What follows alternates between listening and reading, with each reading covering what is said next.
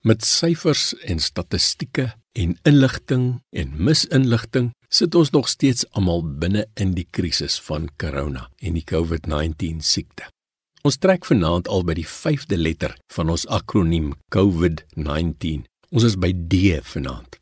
My heel eerste woord is dapper. Hierdie moeilike tyd vereis van my en jou om sterk te staan en dapper te wees. En die beste bron van dapperheid is die Here, die Heilige Gees in jou wat saam met jou die pad stap. Ek dink ook aan die woord dade of doen. Ons is vasgekluister in ons huise en is asof soveel kosbare tyd verlore gaan. Maar ek dink dis juis 'n tyd wat ons dinge kan doen waarby ons nooit uitkom nie. Dink aan dinge wat jy nooit voor kans kry om te doen nie. Ek praat nou nie van garage regpak of so nie. Ek praat van goed wat ewigheidswaarde het. Daar's ook die woordjie dink. Dis 'n tyd waarin ons moet mooi dink wat ons doen. Dink voor ons uitgaan in die straat. Dink voor ons optree. Dink voor ons sommer net gou skelm iets doen. Dis belangrik om te dink.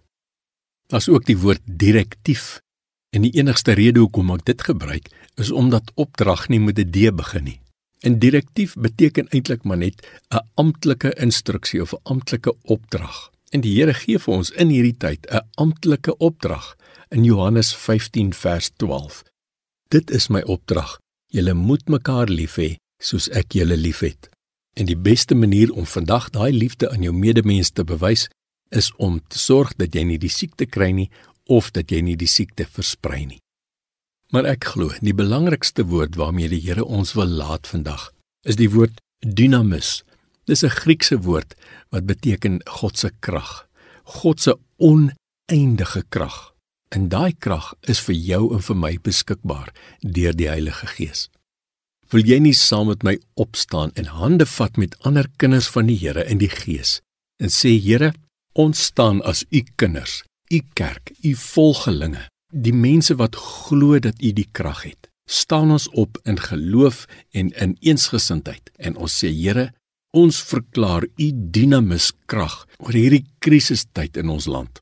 Ons vra in gebed met smeking en ook met danksegging dat u asseblief ons sal help in ons land en in die wêreld, Here. En ons vra dit in Jesus se naam dat u dit sal doen.